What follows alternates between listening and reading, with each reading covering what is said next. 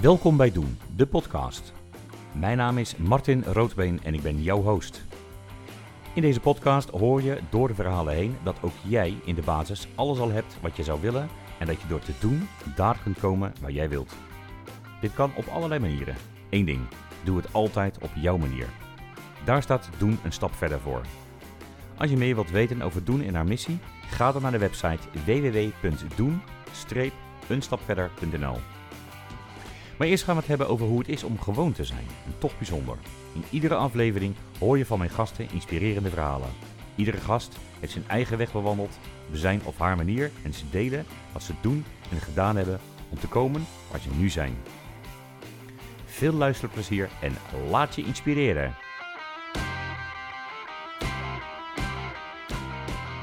Ja, Maurice. Wel apart, hè? Ja, zeker. Ja, echt, hè? ja. Nou, voor de luisteraars, eh, tegenover me zit eh, Maurice. Maurice Snijders, die ken ik al heel lang. Want hoe jong was jij toen je naar Nederland kwam? Vier dagen. Oh, was jij zo jong? Ja. Jeetje. Ja. Oh, ik dacht dat je ouder was, joh. Nee, nee, ik was eh, vier dagen. Oké. Ja, in ieder geval. Ja, volgens mij vier dagen toen ik naar Nederland kwam. Oké. ja. Hey, maar Maurice. ehm, een aantal luisteraars zullen jou kennen, maar ik denk de meeste niet. Kan je heel kort vertellen wie je bent? Ja, ik eh, ben Maurice Snijders. Echt, eh, klinkt een beetje Duits, maar het is eh, een, Nederla- een Nederlandse achternaam. ik ben geadopteerd door Nederlandse ouders uit Sri Lanka, wat je, wat je net al eigenlijk een beetje voorlegde. En ja, ik woon in Gouda. Ik ben eigenlijk ook wel bevriend met jou.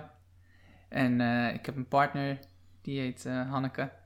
En daar ben ik al negen jaar mee samen. Dat is al een tijd, wel. Ja, Ja, ja. en vijf jaar verloofd.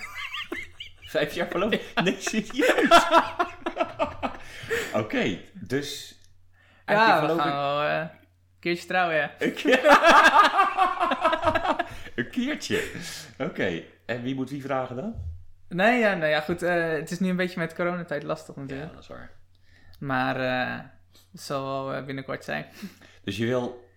Je gaat alleen maar trouwen als je een feest, echt een feest kan geven, of niet? Ja, of het delend op. Zeg maar, dat Oh, je ja. gewoon voor de gemeente trouwt en dan later een feest. Ik denk dat dat de beste keuze is. Ja. Aangezien eh, de tijd begint te dringen.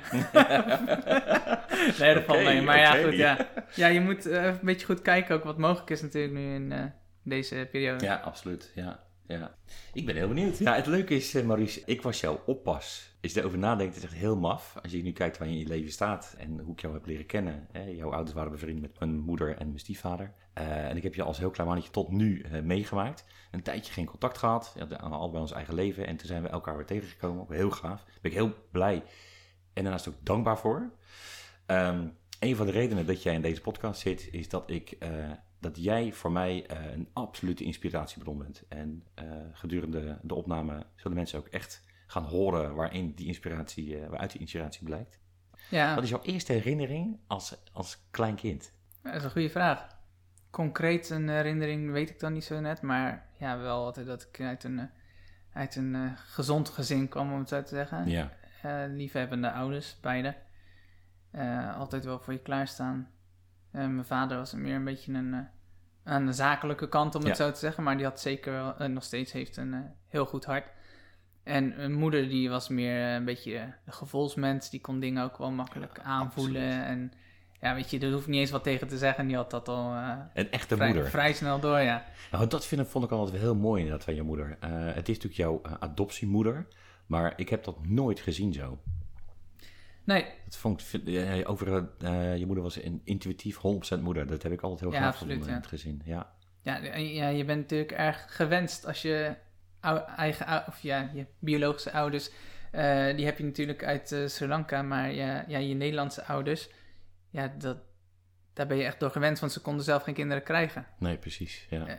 Dat, kijk, dat neemt niet weg dat de mensen die wel kinderen kunnen krijgen, hun kinderen niet gewenst hebben, maar ja, er zit toch een extra dimensie aan absoluut. als je het zo graag wil en dan op die manier toch, ja, kan verwezenlijken. Absoluut wel. Ja, heel mooi. En ehm, hoe vaak ben je terug geweest in Sri Lanka?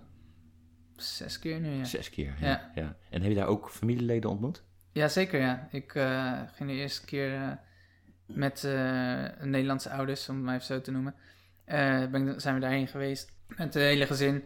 Ja, dat was echt super tof om dat de eerste keer te beleven. Ja, ik merkte wel, ja, hier kom ik echt vandaan. Ja, je zag allemaal van die figuurtjes zoals ik.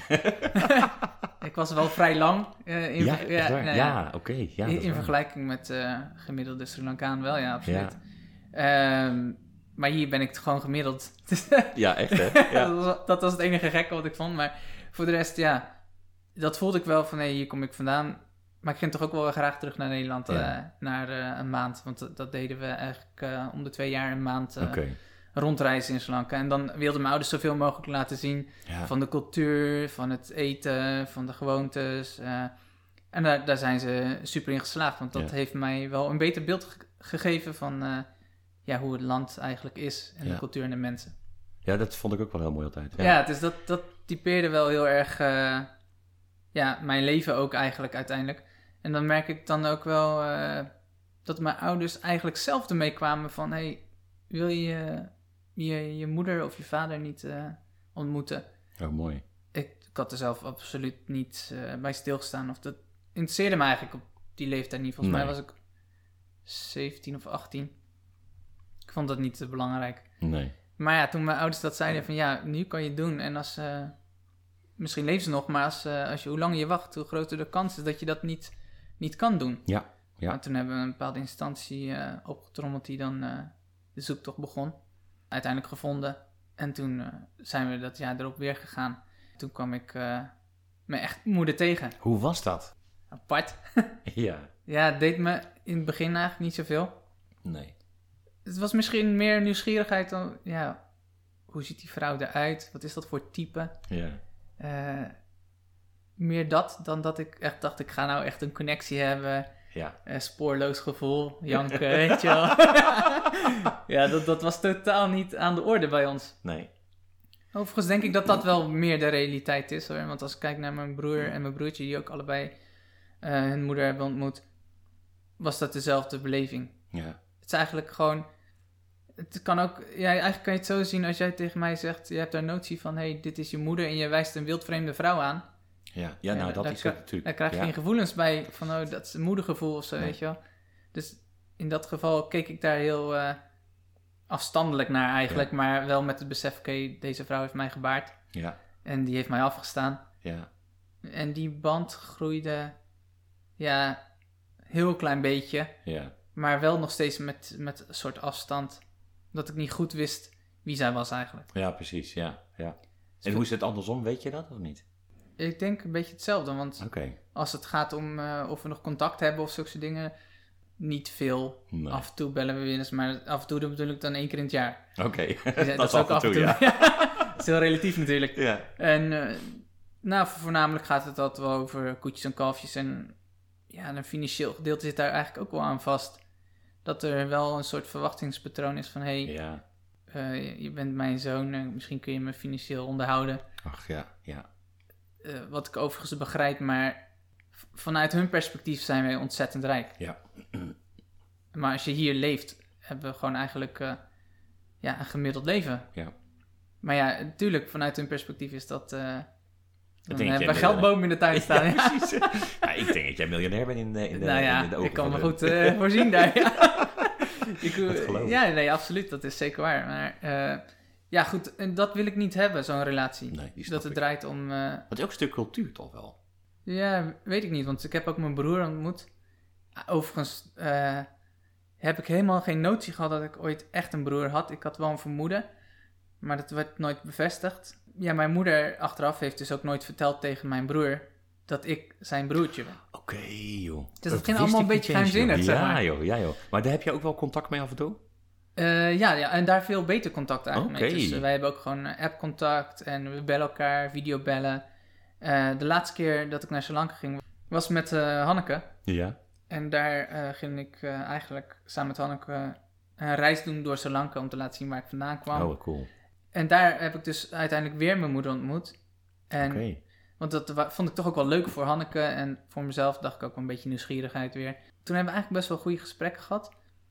Veel beter dan al die andere keren. Oh, wat Dat gaaf. het toch eigenlijk ongemakkelijk was. Ja, jouw ouders Ja, waren misschien erbij. wel, ja. En ja, die snap ik ook wel. Dat- Wat wel kan- mooi, hoor. Gaaf. Kan een deel Ja. zijn. En daarbij kwam uiteindelijk uit dat ik dus nog echt een broer had. Gaaf. Toen wilde ik die eigenlijk opzoeken. Alleen toen zei ze, ja, ik heb nooit verteld dat jij eh, bestaat. Dat is bizar. Oké, dat is lastig. Ja, maar wat, wat deed dat, ja, deed of doet dat met jou? Ik vond het wel een beetje vreemd. Ik Ja. begreep sowieso niet waarom dan ben ik dan afgestaan en hij niet. Ja? En waarom weet hij dat niet? Weet je, krijgt allemaal van die vragen. Echt een duidelijk antwoord heb, heb ik nooit gehad. Maar ik heb dat een beetje in het midden gelaten. Ik dacht van ja, oh, ik wil het ook niet moeilijker maken dan dat het eh, blijkbaar toen was. Maar het bleek dus dat mijn moeder echt mij ter adoptie af moest staan. Omdat eh, haar huidige man mij niet wilde hebben eigenlijk. Dus een soort van nou ja, foutje. Maar ik wil geen verantwoordelijkheid nemen. Oké. Is eigenlijk abortus, dat is wat ze zegt. Ja. Toen is ze naar Colombo gegaan en heeft ze eigenlijk eh, daar tijd geweest bij de vriendin. En ja, toen ben ik eh, ter wereld gekomen en heeft ze me afgestaan. Jeetje. En tegen haar man gezegd dat ze abortus heeft gedaan. Oké. Dat is het verhaal, maar ik kan het niet eh, Nee. bevestigd krijgen natuurlijk. Nee. nee. Heb jij niet, niet de, de, de- een soort van behoefte? Ja, ik, het, het gaat allerlei dingen die, die komen in mijn hoofd. Van ik, ik, maar vertaald naar jou. Ik denk van, wow, weet je, wat... Nou ja, ik weet wel een beetje hoe mijn vader naar mij keek. Hè, mijn, mijn natuurlijke vader. Die eh, had ook zoiets van, eh, nou sorry hoor, maar waarom zou Martin moeten komen? Dus moet je nagaan. Maar ik heb wel mijn vader nog een tijdje kunnen zien. Ik heb een hele goede band met mijn moeder. Maar bij jou is dat heel anders. En ik ben nooit afgestaan. Het, het is toch bizar. Ik denk van, oh, wat, wat, wat, wat zou dat met mij doen? Ja, met mij heeft het eigenlijk niet zoveel im- impact gehad op Nee. mijn, mijn leven. Nee. Ik heb het gewoon geac- geaccepteerd zoals het was. Ja. Of zoals het is. Ja, En daar ja, kon ik prima mee dealen. ja. Ik bedoel, hé, hey, laten we eerlijk zijn. Ik heb het nou toch tien keer beter dan in zo'n Krottenwijk daar ergens. eh. Nou ja, daar heb je, zeg je een punt. Want het bijzondere is, is voor de luisteraars eh, gaf ik al aan, eh, de, de inspiratie die Maurice mij geeft, ja, die, gaat, die gaat, gaat nu komen vol- wat, wat mij betreft. Maurice, ik ken jou als een jongetje eh, met zijn grote kijkers, die heb je nog steeds trouwens. ja. altijd vrolijk, altijd opgewekt. En ja, eh, jij bleek geen hoogvlieger te zijn als het gaat over leren en zo. Sociaal was je wel. Je was ontzettend sociaal. Je was altijd, iedereen vond jou zo ontzettend lief jongetje. Maar ja, eh, als het gaat over leren en school en dingen kunnen en kennis, was het eigenlijk niet veel. Dat is het beeld ook wat ik heb meegekregen. Je bent uiteindelijk daar een, op een school gezet voor moeilijk leren en moeilijk opvoedbare. Hoe was het ook weer? ja, moeilijk lerende kinderen. Ja, Ook moeilijk opvoedbaar. ook. Dat ben je nog steeds trouwens. Ja. En dan kom je dus op een school waar allemaal van hele bijzondere kinderen zijn. Nou ja, goed, ik eh, kan het wel even kort eh, verwoorden hoe dat was. Eh, ik zat natuurlijk op een, voor mijn ogen en ik denk voor iedereen wel, een normale lagere school. Ja. En ja, daar heb ik eigenlijk wel een, een leuke tijd gehad. En daar heb ik eigenlijk ook mijn, mijn beste vrienden gemaakt, om Ja, zo te zeggen. inderdaad. Ja, kwamen ze er al snel achter dat, dat ik, ja, zeg maar in groep 2, 3, 4 toch niet helemaal meeging. En dat had voornamelijk mee te maken dat ik een vrij korte aandachtsboog had, om het zo te zeggen. Ja, In mijn hoofd kon ik al heel ergens anders mee bezig zijn, terwijl ik nog moest beginnen, zeg maar. ja, Ja, dus ik, en dat heb ik nu overigens nog wel eens, maar ik weet daar heel goed mee om te gaan. Eh, toen de tijd was het wel een, een, een, eh, een tijd waar je, als je niet mee kon, dan kon je een keertje blijven zitten. En dan kon je nog een keertje blijven zitten. En dan was het gewoon, oké, ja, pech voor je. Dit, dit was het voor jou. Jij moet eh, naar een andere school. Ja, ja. En er werd niet zozeer gekeken zoals nu van, hé, hey, eh, moet deze persoon een andere soort les krijgen? Of eh, ja, heeft hij een andere kijk op hoe hij de stof tot zich neemt? Dat was toen niet te sprake. Nee. Dat was gewoon, oké, ja, je kan niet mee. Dit is de algemene manier van leren. En toen ging ik dus van school af. Dus ik had een gesprek, dat weet, dat weet ik nog heel goed van. Ja, echt als je, waar, als je daar wel op terug, als ik daar kan op terugkomen.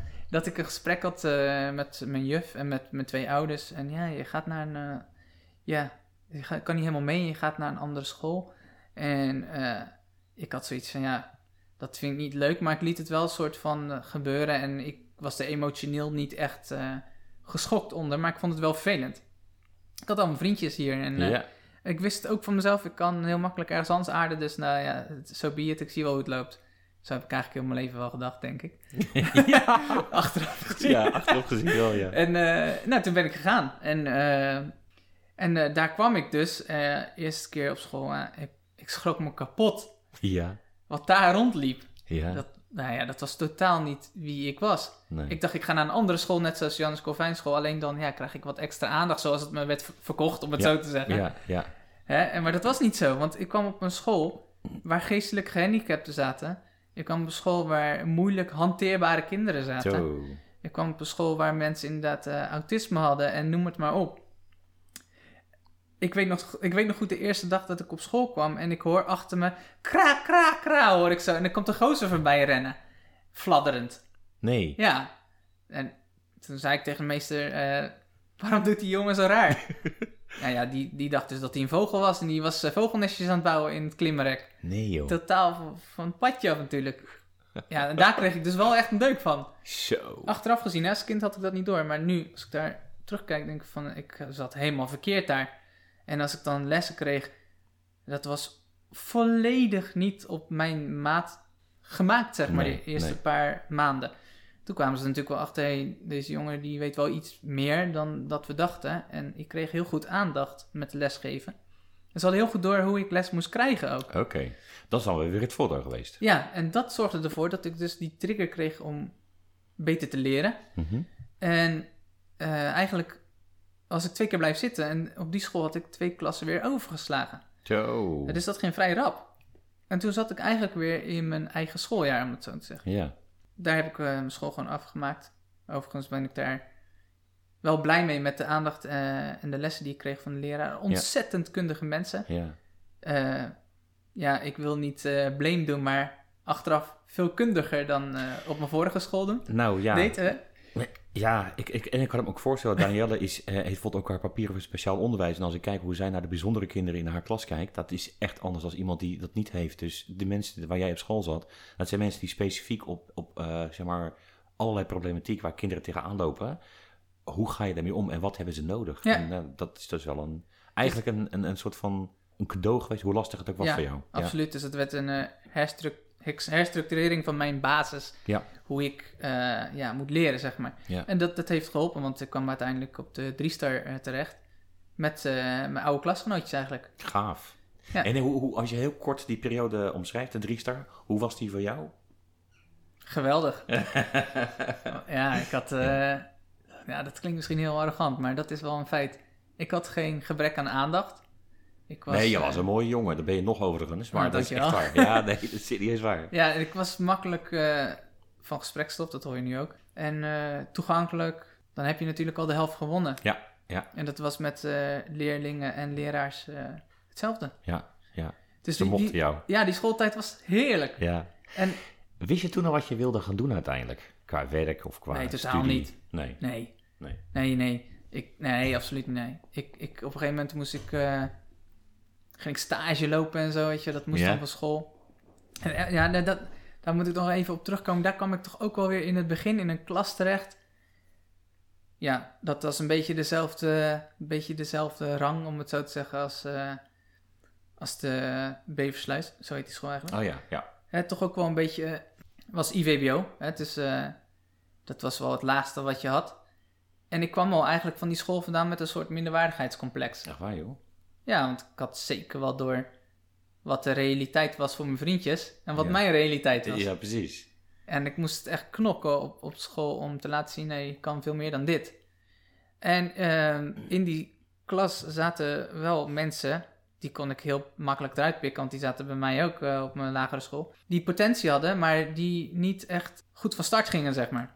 En ik weet voor de rest niet hoe het met die eh, jongens allemaal is afgelopen en die meiden, maar ja, goed, eh, ik eh, kwam er ook wel achter dat het voor mij wel moeilijk was op de drie-star om eh, mijn niveau te verhogen eigenlijk. En Dus daar werd je eigenlijk een soort van geremd. Eigenlijk, ja, geremd. Ja, want ja, ik kwam van zo'n school, dus ja, veel zal er misschien niet... Ik denk dat het zo ging, hè. Veel zal er misschien niet in zitten en ik haalde best goede cijfers. En ik gaf ook aan, ik wil graag VBO doen, maar dat, de eerste twee jaar gebeurde er helemaal niks. Dat, dat werd gewoon niet erkend van, nou, die jongen heeft eh, misschien ambitie, laten we hem daarin motiveren. Totaal niet. Nee, nee. Toen heb ik toch uiteindelijk mijn eh VMBO-diploma gehaald. Mhm. Maar daar heb ik, eh, ja, daar had ik echt voor moeten knokken. Zo, Kwam, echt voor moeten doen, ja. ja. Het was niet dat ze zeiden van nou, laten we die gozer eens motiveren. Nee, nee. en, en, en, en thuis, hoe gingen ze thuis mee om? Hebben ze de jou daar geprikkeld en gestimuleerd? En... Mm, ja, mijn vader wel. Die zag denk ik wel dat er meer in zat. Ja, Ja, die deed ook altijd wel de lessen en zo. eh. En mijn moeder die minder. Die, ja, nee, dat is niet waar. Mijn moeder dacht altijd dat ik me bewust af en toe dom hield. Nee, serieus? Zeg maar. ja, Ja, dat eh, van ja, jij interesseert... Ja, met grap dan meer, hè. Van, Ja, ja, jij interesseert je eh, alleen maar ergens in als je het interessant vindt. Ja. En de dingen die je moet onthouden, die je niet interessant vindt, die laat je vallen.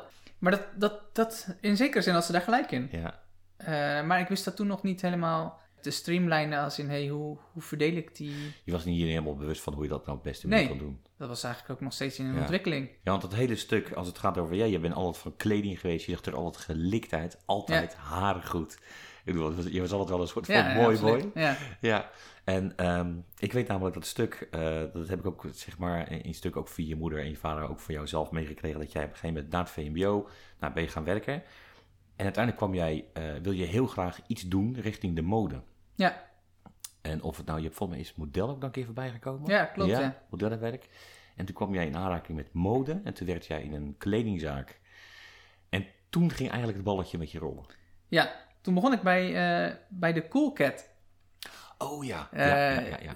Toen de tijd een zeer vooruitstrevend modebedrijf. Nou, Nee, totaal niet. Gewoon een midden, middenmodebedrijf, Ja. middensegmenten. En eh, nou ja, eh, ik moet ergens beginnen. En ik vond dat wel eh, leuk toen de tijd. Ik had daar een baantje en eh, ging, ging prima. En toen kwam er op een gegeven moment van die modeshows van Cool Cat. En toen was ik een keer wezen kijken op hoofdkantoor. Ja. En toen van het een kwam het ander. En toen ben ik inderdaad ook een paar keer model geweest. En toen dacht ik, nou is dit misschien wel wat ik wil. Ja. En daar een beetje in gerommeld. Maar ja, dat, dat was toch ook niet echt. Maar Nee. ik had wel echt gevoel voor de mode, zeg Ja. maar. Absoluut, dat heb je altijd gehad. Ja. Zeker, ja. Dus toen ben ik op een gegeven moment eh, vanuit daar eh, in Rotterdam eh, terechtgekomen.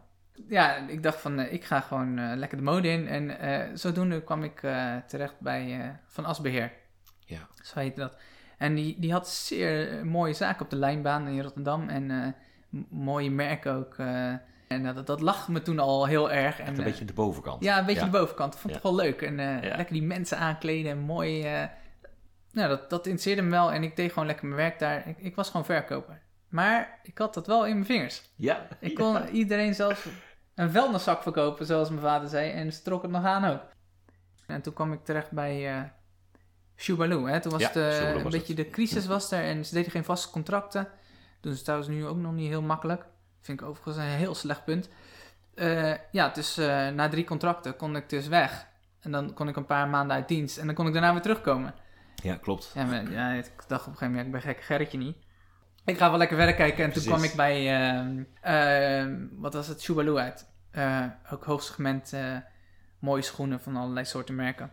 En eh, ja, op een gegeven moment dacht ik, ik, er zit meer in. en ik vind dit, eh, ben ik toch ook een beetje zat aan het worden. Ik kan meer.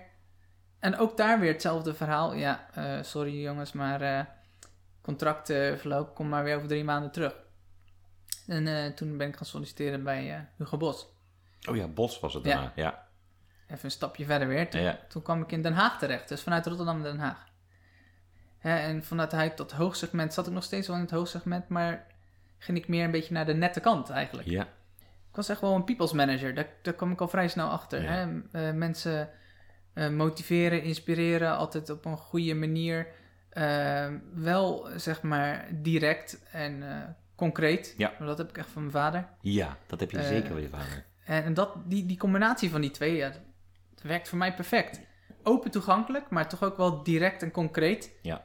Ja, dat zijn voor mij echt twee mixen die, die goud creëren, zeg maar. Absoluut. Dus dat heeft me heel ver geholpen eigenlijk. Deeltje opvoeding, deeltje van mezelf. Ja. En toen kwam echt de, de crisis. Nou, toen eh, werd mijn contract ook weer niet verlengd. Dus hè, je, je kan wel zien in retail wordt er niet heel Ja. makkelijk eh, contractverlengd Nee, gedaan. zeker niet. Toen Nee. was ik mijn baan kwijt. Ja, Stond ik op straat. ja. En ik had gewoon zo'n super mooie baan. En ik dacht, ik ga hier doorgroeien. Maar er was totaal geen mogelijkheid bij Hugo Bos om door te groeien. En toen kwam ik dus bij eh, een aantal keer solliciteren bij Nike terecht. Ja, ik dacht, van Hugo Bos naar Nike. Wat is dat voor stap eigenlijk, hè? Ja, ja. Vond ik toen overigens ook. ja.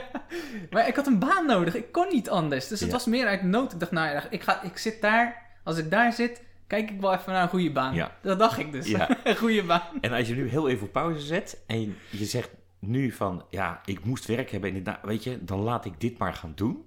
En je kijkt nu terug, wat zou je dan in één zin kunnen zeggen wat jij vond van jouw, teus, van jouw keus toen, terugkijkend, hè? Ik vond dat de beste keus die ik ooit in mijn leven heb gemaakt. Ja, hè? Absoluut. ja. Absoluut. En voornamelijk omdat eh, ja, de mindset en de filosofie van Nike 100% past bij mijn absoluut. personality. 100%. Ik kwam daar en ik wilde store manager zijn, maar ja, dat werd me eigenlijk niet gegeven, want die functie was al net eh, ingenomen. Wat kan ik dan wel? Assistant store manager. Ook net ingenomen. Dus toen kon ik department coach worden. Nou, ik wist niet wat department coach was, maar het bleek dus eh, manager van een afdeling in de winkel. Zo so be it, hè? zo had het moeten zijn.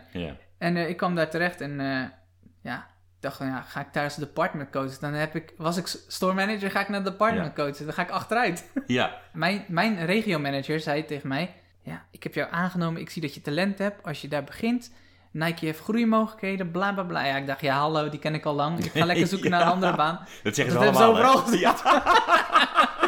Maar goed, ik, dacht, ik had wat. Ja. Dus ik begon. En dat ging me toch goed af, joh. Heel die bedrijfsfilosofie, die, die manier van denken. Dat, dat van sky is the limit, dat is ty- typisch Amerikaans, daar hebben we Ja. net over gehad. En ja, dat, daar kon ik helemaal, dat, daar ging ik helemaal in op.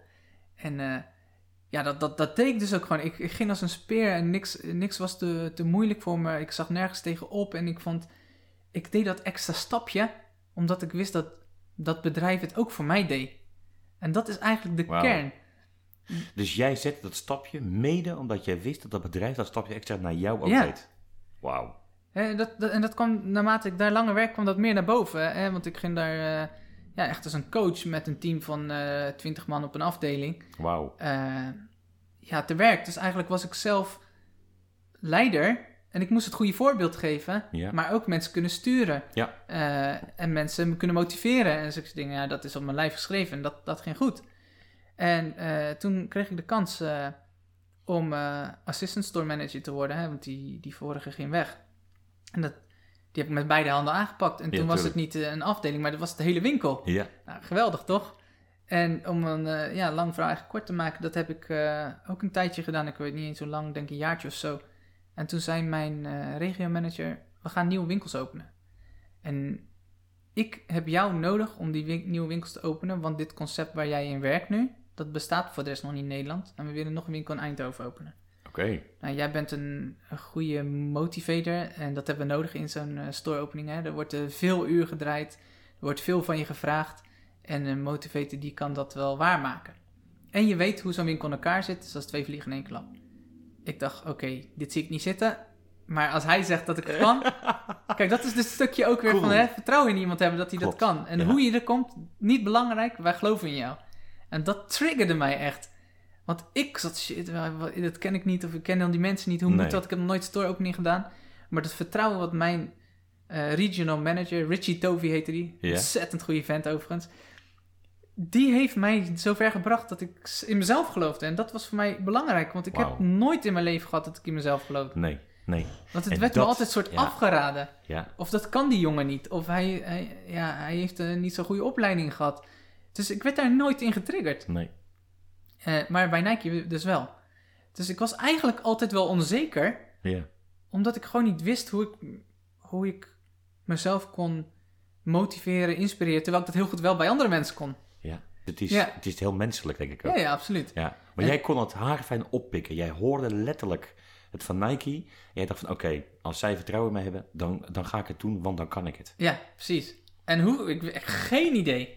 Eh, maar ik, eh, ik dacht, ik ga er gewoon in en ik zie, wel, ik zie wel, ik kan dit. Als hij dat denkt. Nou, dus dat ging ik dus ook doen. En daar rolde ik zo een beetje in. En eh, ik merkte dat het, dat het me goed afging. En ik dacht van, nou, dit vind ik hartstikke leuk, zo'n store opening. Ja. Hè? Nieuwe mensen eh, trainen, nieuwe mensen in het bedrijf brengen, motiveren. Zo'n winkel helemaal opbouwen, van scratch tot, tot een prachtige winkel, weet je wel. Al die producten naar binnen werken. Ik, ik wist alles van de winkel natuurlijk, hè, want ja, ik had die ervaring. En eh, nou, als die winkel toen, toen die open was, toen was die zelfs volgens mij nog een dag eerder open dan gepland. En daar was een draaiboek bij, jongen, zo dik als de Bijbel. Eh, wat er allemaal gedaan moest worden. Ja, Ja. wat er allemaal gedaan moet Ja. worden. Dat, dat, hè, dat ging van, van de paperclip op, op de bureaus tot aan eh, de kluizen die geankerd moesten worden. Goed, nou ja. En dat ging me goed af. En uiteindelijk ben ik dus eh, weer teruggegaan als, eh, als store manager. Eh, ik deed daar lekker mijn werk en nog geen maand later kwam mijn regional manager weer naar me toe en zegt, ja, jij bent gewoon de man hiervoor, jij kan dit. Cool. Ja, dat, dat, dat ben ik ook achter dat ik het kan. Ja. Overigens, een, een kleine zijpad daar naartoe. Daar gingen dingen fout, absoluut. Ja. Dat was de eerste keer voor mij. Hè, het, het, het, eh, ik kan nou niet echt concreet noemen wat er nou fout ging, maar er gingen natuurlijk geen dingen fout. Tuurlijk. Maar het mooie was dat ik de ruimte kreeg om die fouten te maken. Ik kon keihard op mijn bek gaan daar. Wauw. En hij raadde me gewoon weer op. Hij zegt, kan gebeuren. We Echt gaan- joh? Dat is wat Ja. hij letterlijk zei? Ja, echt waar. Dat ik gewoon fouten maakte waar ik van dacht, oh mij, dit zie je, ik kan het niet. Ja. En dan zei hij, hey, die fouten, daar leer je van hoe het niet moet. En je krijgt zeg maar een moment dat je dus weet hoe het wel moet. Wauw, wauw. En daar had hij helemaal gelijk in. Want die fouten maakte ik bij de volgende store opening, Nee, maakte ik die nee. niet. En sterker nog, dat waren mijn focuspunten. Dus ja, dat ging nog veel beter dan voorheen. En dat is eigenlijk de kern, wat die manager toen ook tegen mij zei. Is wij mensen zijn in een environment, hè, in een omgeving waar fouten maken niet mogelijk is. Hè, je wordt erop afgerekend. Absoluut. Hè? En als je je diploma niet haalt, dan kom je nergens. Als je, als je fouten maakt in, eh, op je werk of fouten maakt in, eh, op school, dan wordt het ja, afgerekend. Ja, keihard. Hè? En, en hier in dit bedrijf maakte ik fouten. Daar werd dus even bij stilgestaan. Leermomentje. Volgende keer ga je het beter doen. En ik kreeg die ruimte ook. Ik kon keihard mijn bek gaan. Gaaf. En dat werd gewoon soort van gewaardeerd nog ook. ja, yes. Ja. Snijders gaan weer op zijn bek. Een feestje op het hoofdkantoor. Nou, bij wijze van spreken wel, hè? Nou ja, hij zei dus van eh, ook op een gegeven moment, als je kijkt naar een kind, en dat is een mooi Engelse, echt zo'n Brits accent. Als je kijkt naar een kind, ik kan het niet nadoen overigens, Jammer. die, ja, eh, die, die valt continu en probeert te lopen. Ja. Maar er komt een moment dat hij staat en dat hij weet hoe hij zijn evenwicht moet houden en die kan lopen. Ja. Hij zegt, zo is het met ieder mens, met alle learnings die hij heeft, met nieuwe dingen die hij tegenkomt. Falen ga je. Maar je leert daarvan en vervolgens kan je het beter. Absolutely. Ja. Dus ja, dat, dat, heb, ik- dat ben ik nooit vergeten dat ik dat zei. ja. Ja. Want als je dan nu kijkt wat je, wat je nu dus doet. Ja, ja, als ik kijk eh, wat, eh, wat ik nu doe. eh, ik werk ondertussen op het hoofdkantoor van IMEA. Dat is dus Europa, Midden-Oosten en Afrika. En eh, ik manage eh, meer dan 250 winkels. Ja, Dat is niet normaal. Je erover nadenkt, hè? 250. ja, ja, en dan worden de komende vijf jaar nog 250 geopend. Sorry? Ja, De komende vijf jaar 250 winkels. ja, Maar dat doe je dus, dus, je, nou ja, dus ik weet dat jij heel veel reist. Ja. Het is geen vakantie, is altijd knetterhard werk. Ik weet ja, dat jij ja. vertelde in Engeland dat je daar het aantal stores moest openen. En dat kwam de lockdown. Eerst hier en toen daar. En dat dat je een Ja. hotel voor jezelf had. ja, ja. ja, nou ja, goed. Hè, ik, eh, ik doe eh, eigenlijk eh, in die zin eh, labor optimization. eh, om even concreet te maken, waar zorg je dan voor? Dan zorg je dat er de juiste mensen op de juiste plek zijn eh, en de juiste tijd. En eh, daar hoort ook een stukje training en store opening bij. Dus eh, elke keer als we een winkel openen, hè, dan werk ik met verschillende departments samen om die, eh, ja, die aantal mensen te realiseren die we nodig hebben voor die winkel. Ik was dus in Engeland en dat was niet voor een training dit keer, maar dit was omdat corona heerste. Ja, er waren twee winkels, die hadden allebei corona meegemaakt in het managementteam. Dus het hele managementteam lag eruit. Oké. Dus er werd aan mij gevraagd, Maurice, kan jij eh, naar Engeland vliegen en eh, ja, die winkel runnen? Ik ging daar eh, naartoe met de veronderstelling dat ik nog een soort van team had. verkopers, maar ik kwam daar aan en het was gewoon helemaal 0-0. Oh, echt helemaal niemand. ja, er was gewoon, iedereen was gewoon in, in quarantaine.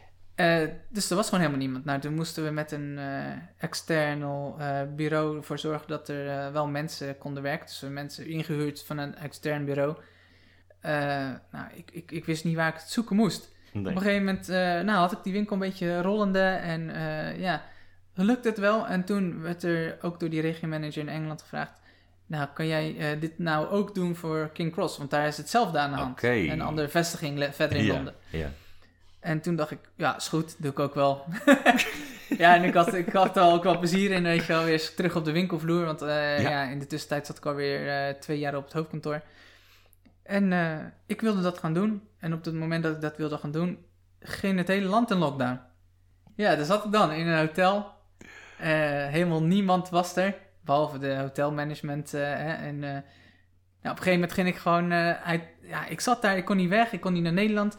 En ik ging uit verveling, eh, ik kon natuurlijk nog wel wat werk op mijn laptop doen. Maar eh, ja, ging naar beneden, even naar het restaurant.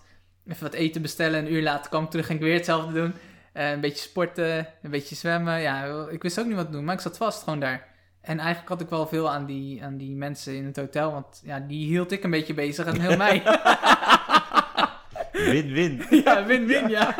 ik was de enige in het hotel- hotel, dus ja. Echt bizar, hè? Ja. En toen uiteindelijk eh, ja, ben ik toch wel teruggefloten. eh, ja, daar, toen kwam ik in Nederland en toen eh, wilde ik naar het hoofdkantoor. Nou ja, ik kon natuurlijk niet naar het hoofdkantoor, want dat was ook al, al gesloten. En sindsdien werk ik thuis. Maar je bent dus ook niet meer weg geweest, want de stores worden, worden niet geopend.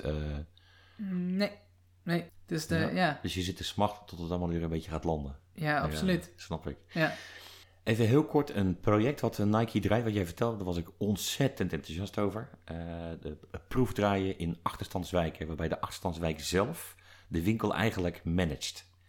Ja. En dat Nike daar gewoon serieus eh, budget voor vrij houdt. Eh, kan je daar heel kort iets over vertellen? Ja, dat noemen ze community stores. Dus dat zijn eh, winkels die worden opgezet in achterstandswijken. En eh, daar zoeken ze dus ook eigenlijk personeel uit die wijk. Cool. En er zijn eigenlijk meerdere redenen waarom ze dat doen. Eén is omdat ze willen dat mensen ook een eerlijke kans krijgen die in zulke soort wijken wonen, Ja? om in zo'n mooi bedrijf te kunnen werken. Ja? Hè? En het, het tweede ding is, is dat zo'n bedrijf wat in zo'n achterstandswijk zit, waar veel criminaliteit is en veel overlast, eh, en overigens ook veel diefstal, eh, ja, dat, dat, dat is natuurlijk alleen maar mooi als je die mensen uit die wijk in zo'n winkel kunnen krijgen. En waardoor die winkel dus eigenlijk hun eigen wordt. Ja. En waardoor je dus minder van zulke activiteiten vindt in de winkel. En dat Ja. gebeurt overigens nog steeds. Cool. Hè? En dat gebeurt ook in, de- in, in hele luxe winkelstraten. En laten we dat even vooropstellen. Ja, ja, ja, tuurlijk. maar het gaat meer om het feit dat, ze, dat zo'n winkel hun eigen ding wordt in een wijk. En dat ze, Het is een onderdeel van een community, Ja. zo is het eigenlijk. juist, ja. dat het een onderdeel van een community is. En, Maar als ze dan organiseren van, oh jongens, Nike gaat open. Over twee dagen kunnen we binnenstormen met 10 man. We overvallen ze half. We komen met, en we rennen met eh, 20 schoenendozen of 30 naar buiten. En wat doet Nike dan? eh, Nike, eh, die laat ze gewoon naar buiten lopen. Geen bewaking? Ja, absoluut wel bewaking. Hè? Ja. Dus er wordt zeker wel notering van gemaakt. En af en toe komt er ook politie bij, bij te passen. En camerabeelden en noem, en noem het maar op. Maar in belang van de veiligheid van het personeel zeggen ze altijd gewoon laten lopen. ja. Daar komen we later op terug, laat ik het zo zeggen. Zo. Ja. En, en, en, en, en dat werkt gewoon. Hè? En eh, als er dan wordt gestolen, ja, dan wordt er ook vaak vanuit die wijk, eh, die, die, die wijkmannen of die buurtmannen, hoe noem je die figuren? ja, een soort van buurtvaders Ja. of zo. Ja. Ja, die, die, regelen dat onderling gewoon. En vervolgens komen die spullen gewoon terug. Echt waar, Ja, dat gebeurt. Nee, joh. Dat die spullen gewoon... eh, Fantastisch. dan wordt zo'n... eh, zo, ja, dat gebeurt ook wel eens dat... eh, ik noem maar even, hè, dat een, een broer van die persoon of een familielid van die persoon in de winkel werkt. En Ja. iemand uit die familie, die, die, die, ja, die neemt wat gratis mee, om het zo te zeggen. Maar dan is het toch een soort van verantwoordelijkheidsgevoel naar elkaar toe. Ja. Maar daar werkt eh, Ja. mijn neef of mijn broer. Maar Nike zegt dan dus niet, eh, eh, John, je werkt in die winkel daar in die Afstandswijk in, in Londen ergens. En we weten dat jouw broer wat heeft gejat. Jouw baan ben je kwijt. Nee, absoluut niet. Nee. Dat is wel cool hoor. Ja, daar nemen ze ook gelijk afstand van. Want ja, ze, ze, ze zijn wel van mening dat eh, als we jou aannemen, dan hebben we de beste in, ons, ja, in onze pool van mensen. Ja, En cool. ja, daar staan ze wel achter dan. Heel cool. Eh, ik weet dat ehm, eh, op de, de website van Nike staan heel veel quotes. Ja. En onder andere, we have a responsibility. So, we have a responsibility to make the world a better place. Ehm, weet dat jij Michael Jackson fan was, bent. Ik weet niet of je dit nummer kent. Ja, ja, zeker. Ja. Ja. Heal the world. Ja, Ja, ja, cool. Het is een fantastisch mooi nummer. Eh, het mooie is, jij zei dat toen op een gegeven moment van, eh, het, hè, nu ook het verhaal, het past zo goed. En eigenlijk zeg, zeg je dus dat Nike bezig is om de wereld een betere plek te maken. ja, absoluut. En daar heb jij dus een rol in. Ja, absoluut. Ja. En het, eh, dat is de quote van het hele bedrijf. Do the right thing. En dat is in alles wat je doet als bedrijf zijnde, als employee zijnde. Do the right thing. Eh, we komen op voor, voor vrouwenrechten, voor eh, de black community, om het zo te zeggen. Zwarte leiders in, de, in eh, niet alleen zeggen ja, we willen graag zwarte leiders in, in ons bedrijf. Nee, maar letterlijk gewoon ook echt doen. En van bijvoorbeeld 20% naar 50% zwarte leiders in het bedrijf op superhoge functies, vice presidents en noem maar op. Maar ook vrouwen op hoge functies hebben. Ja, opkomen voor voornamelijk ook eh, discriminatie Ja. en, en zulke dingen, wat veel in Amerika gebeurt. Maar zolang we do the right thing in ons eh, statement hebben, in onze bedrijfs-DNA, dan, dan kan je het niet fout doen eigenlijk. Nee, heel cool. Ja. Nu resumerend eh, over, jou, over dit verhaal, en dat is echt wat mij inspireert, heel erg. Beversluis, moeilijk leerbaar, moeilijk opvoedbaar, naar een topfunctie binnen een internationaal bedrijf. In het hele stuk heb jij echt, hè, mijn bedrijf heet Doen, jij hebt, jij hebt het gedaan. Ja, met steun van hier en daar iemand uit je omgeving, maar jij hebt het gedaan. Dat is zo inspirerend voor mij. En dan komen we op het laatst nog eventjes op terug over, weet je, eh, welke kansen en mogelijkheden heb je en wat kan je pakken. Eh, je hebt alles gepakt wat je kon pakken en je bent, heb- er niet bang geweest om te vallen. Het mooie daarin wel is eh, dat een vraag te binnen schoot. Je hebt over onzekerheden en kijk, kijk naar je omgeving, hoe kijken ze naar je? Als je erover kan spreken, wat is je grootste angst? Goeie vraag. Ik denk toch ook wel, ja, dat klinkt heel raar, maar toch ook wel een beetje bang dat je dingen niet, niet goed kunt of niet goed doet. Oké, Ja, over het algemeen, hè? Mhm. niet over leren of, eh, of Nee. wat dan ook, maar ja, bang om te falen wil ik niet zeggen, want dat, dat is absoluut niet van de orde. Ik ga er gewoon eh head down in. Hè, nou ja. maar eh, ja, toch ook wel voor jezelf meer. Dat je, dat je probeert altijd goed te doen, maar je, je gaat sowieso fouten maken. En ook al weet ik dat die fouten ook weer leermomenten zijn, ben ik toch altijd een beetje bang voor. En, en waar ben je dan bang voor? Om een fout te maken. Oké. Terwijl je en niet- weet en de ervaring hebt dat als je een fout maakt, dat je daarvan kan leren. Ja, en, en ook dat ik die ruimte krijg. Maar dat komt denk ik toch uiteindelijk wel vandaan dat ik toch ook al een hele tijd een minderwaardigheidscomplex heb gehad door Ja. ja. de achtergrond die ik heb. En dan toch naar jezelf kijkend van eh, misschien kan je het toch niet of misschien, ja, misschien onzekerheid. Dat is misschien het beter woord. Ja, toch de onzekerheid. Ja. Ja. On- on- onbewust komt die wel eens boven. ja. Zit zo in je systeem. Je gaat overal head down in. Ja, Je doet het gewoon. Je bent niet bang om te falen, om te vallen. Maar als het er op het moment op aankomt, heb je toch zoiets van shit. Maar is het wel oké wat ik doe? Doe ik het wel goed? ja, ja de- absoluut dat. Maar Ja. niet het feit dat ik dan niet durf erin te gaan. Dat, dat wel. Nee, want dat blijf je wel doen. Ja, maar Want dat Ja. is mooi. En die vertaling eh, dat maak ik, die maakte ik al langer geleden. Toen jij vertelde hoe jouw ochtendritueel in elkaar zat. Toen ook corona er nog niet was. En volgens mij doe ik het nog steeds. Want ik zag Ja. je onlangs, eh het zag ik je buiten. Hoe laat sta je op en wat is het eerste wat je doet? De eerste het is twee eh, half zes en kwart voor zes sta ik op. Mhm. Het eerste wat ik doe, eventjes een koffietje pakken. Niet ontbijten, niks. Ik trek mijn renschoenen aan en ik ga 10 kilometer rennen. En hoe lang doe je dat al? Bijna anderhalf jaar. Wow. Ja. Dus je gaat binnenkort eh, als het kan de marathon lopen. Oh, dat zou ik best een keer willen doen, maar ik weet niet of dat kan. Kijk, zie je, daar heb je het al. Is, ik had spot ik, de spot on, inderdaad. Dit is zo gaaf eigenlijk. Ja, Ik denk, die gaat de marathon lopen en dat loopt hij uit. Ik ben Ja. geen marathonrenner, maar anderhalf jaar, iedere dag, om half zes, kwart voor zes, koffietje, om zes uur sta je schoenen en loop, loop je, nou, 10 kilometer, hoe lang doe je erover? ja. even kijken hoor, 53 minuten of zo. Ja, ik, ik, ik kijk naar jou op een bepaalde manier en jij inspireert mij als het over deze verhalen gaat, echt waar. En dan gaat het niet om het bedrijf, maar eh, meer om wat jij zelf doet hierin. En, want Nike kan wel zeggen tegen jou, weet je, we hebben vertrouwen in je en valt, oké, je krijgt een handje, je kan opstaan en je kan doorgaan. Maar nog steeds moet jij het doen. Ja. Waarin zou jij dan anderen kunnen inspireren? Ja, ik denk dat, eh, dat jouw bedrijfsnaam het eigenlijk al zegt. Het is het gewoon doen. Ja, Ook al cool. ben je bang om te falen, ook al heb je ideeën dat je denkt van nou, ik weet niet of ik dat kan, niet kan of wel kan, hè, dan ga er gewoon in, want vaak kom je er ook achter dat je veel meer kan dan dat je denkt. absoluut. is één. En twee, van de dingen die je fout doet, hè, en al krijg je die ruimte ervoor en je wordt daardoor gemotiveerd door anderen ook, dan, ja, dan, dan, is, dan is het gewoon oneindig wat je uit jezelf kan limit. halen. Ja, Maar blijf wel bij wat je passie is. Ga nooit werk doen of dingen doen waar je niet achter staat. Of wat je denkt, ja, ik doe het omdat ik het moet doen. Want daar haal je geen voldoening uit. absoluut. Ja, dat Het gaat om de waar. passie die je hebt Ja. voor dingen. En dat moet je bij jezelf vinden.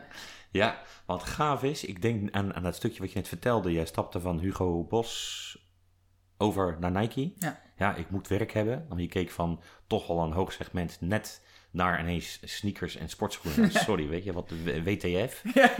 Maar dat was nog steeds met een soort van de winkel en kleding, daar wil ik in werken. Dus dat was jouw passie en jouw motivatie. Ja, nee, ik, om heel eerlijk te zeggen, hè, ik had eh, in het begin bij Nike een beetje het idee. Ik ken natuurlijk het merk, een, een prachtig merk aan zich. Maar ik had vaak bij Nike wel een beetje. eh, het zijn van die gastjes die allemaal van die trainingsbroekjes dragen. En, eh, en een blikje Red Bull in de hand. ja, Weet je, over straat Ja. stiefelen. Dat is natuurlijk een beeld wat overigens helemaal niet de realiteit is. Nee, nee, nee. Maar ja, dat, dat, ja, zo kwam ik vanuit Bos naar Nike. Ja.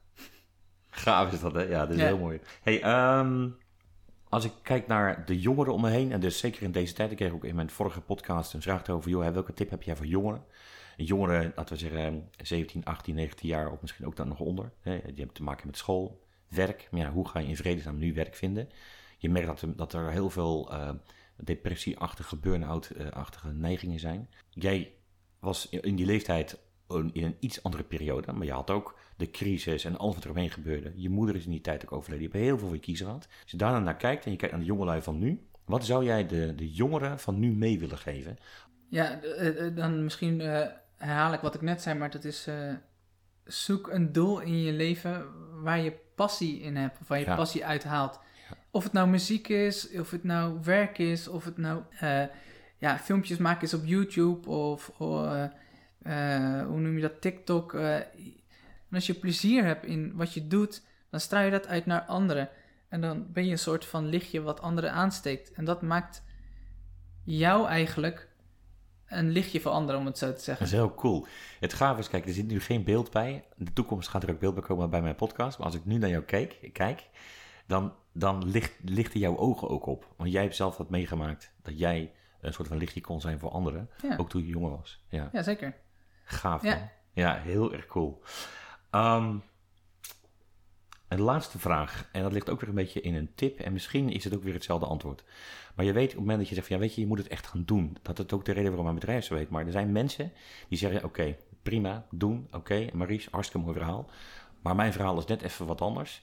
En joh, ik heb die kwaliteit niet. Ik ben niet sociaal. Ik ben geen vlotte babbel. Ik heb een probleem met taal of met rekenen. Ik kan niet zomaar in een winkel staan. Ik kan niet, eh, dat kan niet en dat gaat niet. Ik heb kinderen, ik ben alleen, nou afijn, noem alle onmogelijkheden maar op. Wat zou je meegeven aan deze mensen die echt zeggen van, joh, ik heb die kwaliteit niet die jij hebt? Nou ja, ik, ik vind zelf niet dat ik kwali- eh, specifieke kwaliteiten beheers, waardoor ik het werk kan doen wat ik nu doe. Je, kan, je kan altijd... Kijk, een excuus verzinnen om iets niet te doen, kan je altijd eh, doen, Ja. weet je wel? Ja, Maar de discipline hebben om iets wel te doen, hè, net wat je zegt met bijvoorbeeld... Hey, ik was 92 kilo, man. Ik was echt een vetzak. en, en, en ik kom terug eh, van nu 74 kilo. Eh, en en eh, toen ik begon met rennen, toen had ik zoiets... Wow, yo, 92 kilo vooruit sleuren. Nou, dat is niet te doen. En dat was ook niet te doen. ik werd echt niet gemotiveerd van mezelf. Maar ik had wel discipline. Ik had dat doel voor over. Ik wil, ik wil niet eh, dik zijn, ik wil gezond eten, ik wil er goed uitzien. En dat is toch ook wel een stukje ijdelheid misschien. Eh, maar ook goed voor jezelf, eigen lichaam zorgen. prima ego, er is niks Ja. mis mee. En daar kwam ik toch wel achter van, ik ga het gewoon doen en ik stop pas als ik mijn doel bereikt heb. Eh, trouwens, ik stop niet, ik ga gewoon door als ik mijn doel bereikt heb. Ja. Ja, ehm, jij, jij spreekt eh, meerdere keren over, eh, over eh, eh, je moet een doel voor ogen hebben. Maar ook eh, voor mensen waar ik net over heb, die zeggen, ja maar eh, je kan wel een doel voor ogen hebben, maar er zijn heel veel belemmeringen die ik heb. Eh, dat doel is voor mij niet haalbaar. Maar hoe, hoe, hoe haal jij je doelen dan alsnog? Ja, ik vind soms, als je kijkt dan even betrekken op rennen. Ik begon met, sommige mensen zeggen van "Wa- 10 kilometer, hoe kan je dat? Nou, ik begon gewoon met 2, 3 kilometer en dan ging ik gewoon kijken hoe ver ik kon rennen. En als het goed ging, ging ik nog verder rennen en nog verder. En zo het van 5 naar 6 naar 8 naar 10 kilometer. En dan heb ik niet het doel voor ogen per se van ik moet 10 kilometer rennen, maar ik ga gewoon beginnen en Ja. ik kijk, kijk waar ik uitkom. En wat ik daarmee wil zeggen is, soms heb je een doel voor ogen wat je niet per se direct moet bereiken. En als het te groot is om in één keer ja, tot je te nemen, moet je het soms eh, in stukjes hakken om het haalbaar te maken. Ja, ja, Dus, ja, zo, zo zie ik dat. Dat is ook, eh, Ja. Maar dat vergt echt discipline. absoluut. Eh, hoe zorg je voor discipline? Gewoon doen. Dat is een goeie. Oké, discipline gewoon doen. Ja, als je je wekker hoort, niet snoezen, gelijk eruit gaan. Bam. Ja. Als, je, als je in je hoofd hebt, ik ga rennen, heb je altijd een paar stemmen die zeggen, eh, hoeft vandaag niet, Ja. want het regent. Meer dan één. Je moet gewoon gaan. ja. Trek die schoenen aan. De, ook al zie, ja, je, je kijkt naar buiten, het regent en je hebt die schoenen nog niet aan. Een kleine tip is, trek die schoenen aan. En doe je running outfit aan. Dat triggert je al om naar buiten te gaan en toch te rennen. Ja, dit is heel grappig wat jij nu zegt. Ehm, wat ik tegenwoordig doe, iedere ochtend koud douchen. Ik begin warm met me scheren en zo. Maar echt serieus, de thermostaatkraan maximaal koud draaien. Toevallig had het van de week erover, ja, maar weet je, hoe doe je dat dan? En dan is het een soort van eh, eh, discipline. Weten dat het fucking koud is. Je staat in een warme Ja. douche, je komt uit een warm bedje, heerlijk. en dan toch boomkoud.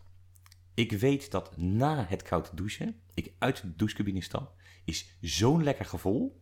En dat maakt dat ik toch iedere ochtend koud douche. En echt, echt koud. En dan sta ik me af te drogen en denk ik, oh, heerlijk. En dat is misschien met lopen ook zo. Die schoenen triggeren jou om naar buiten te gaan, ook al regent het. Want je weet, als ik terugkom, heb je een voldaan gevoel. Ja, het is gewoon een, een mindset. En, en, en Ja. ik denk niet alleen je mind, maar je lichaam werkt ook zo. 100%. Je kan het altijd, eh, laten we zeggen, manipuleren. Ja. Ja. Tegen de stroom ingaan. Precies. En dat, dat is mijn advies naar iedereen toe. Ga geen excuses verzinnen waarom niet of wat je niet kan. Maar kijk naar wat je wel kan en haal daar het maximale uit. Ja, je bent, je bent zo'n inspiratiebron eh, voor mij. En ik denk ook echt waar, Maurice, voor heel veel anderen. Je hebt het allemaal zelf gedaan en je omgeving creëerde je zelf. Je hebt zelf gewoon keihard ervoor geknokt met alle shit die je ook hebt meegemaakt. If you can dream it, you can do it. Absoluut. Ik vond het super gaaf dat je was, Maurice. Ja, Onwijs bedankt. mooi. Graag gedaan. Wat gaaf dat je hebt geluisterd. Luister je over twee weken weer naar een nieuwe aflevering? Deze podcast wil ik blijven doen. En ik zou het super vinden als je een comment achterlaat en je abonneert op dit podcastkanaal. Je kunt ook naar het contactformulier op de website www.doen-eenstapverder.nl en een e-mail sturen met als onderwerp Doen, de podcast. Op de website vind je precies wat Doen doet. Ook vind je daar inspirerende en nuttige info en kun je eenvoudig social media kanalen, Instagram, Facebook en het YouTube kanaal Doen een stap verder van grappige en inspirerende filmpjes staan. Bedankt voor het luisteren. Tot de volgende aflevering en blijf doen.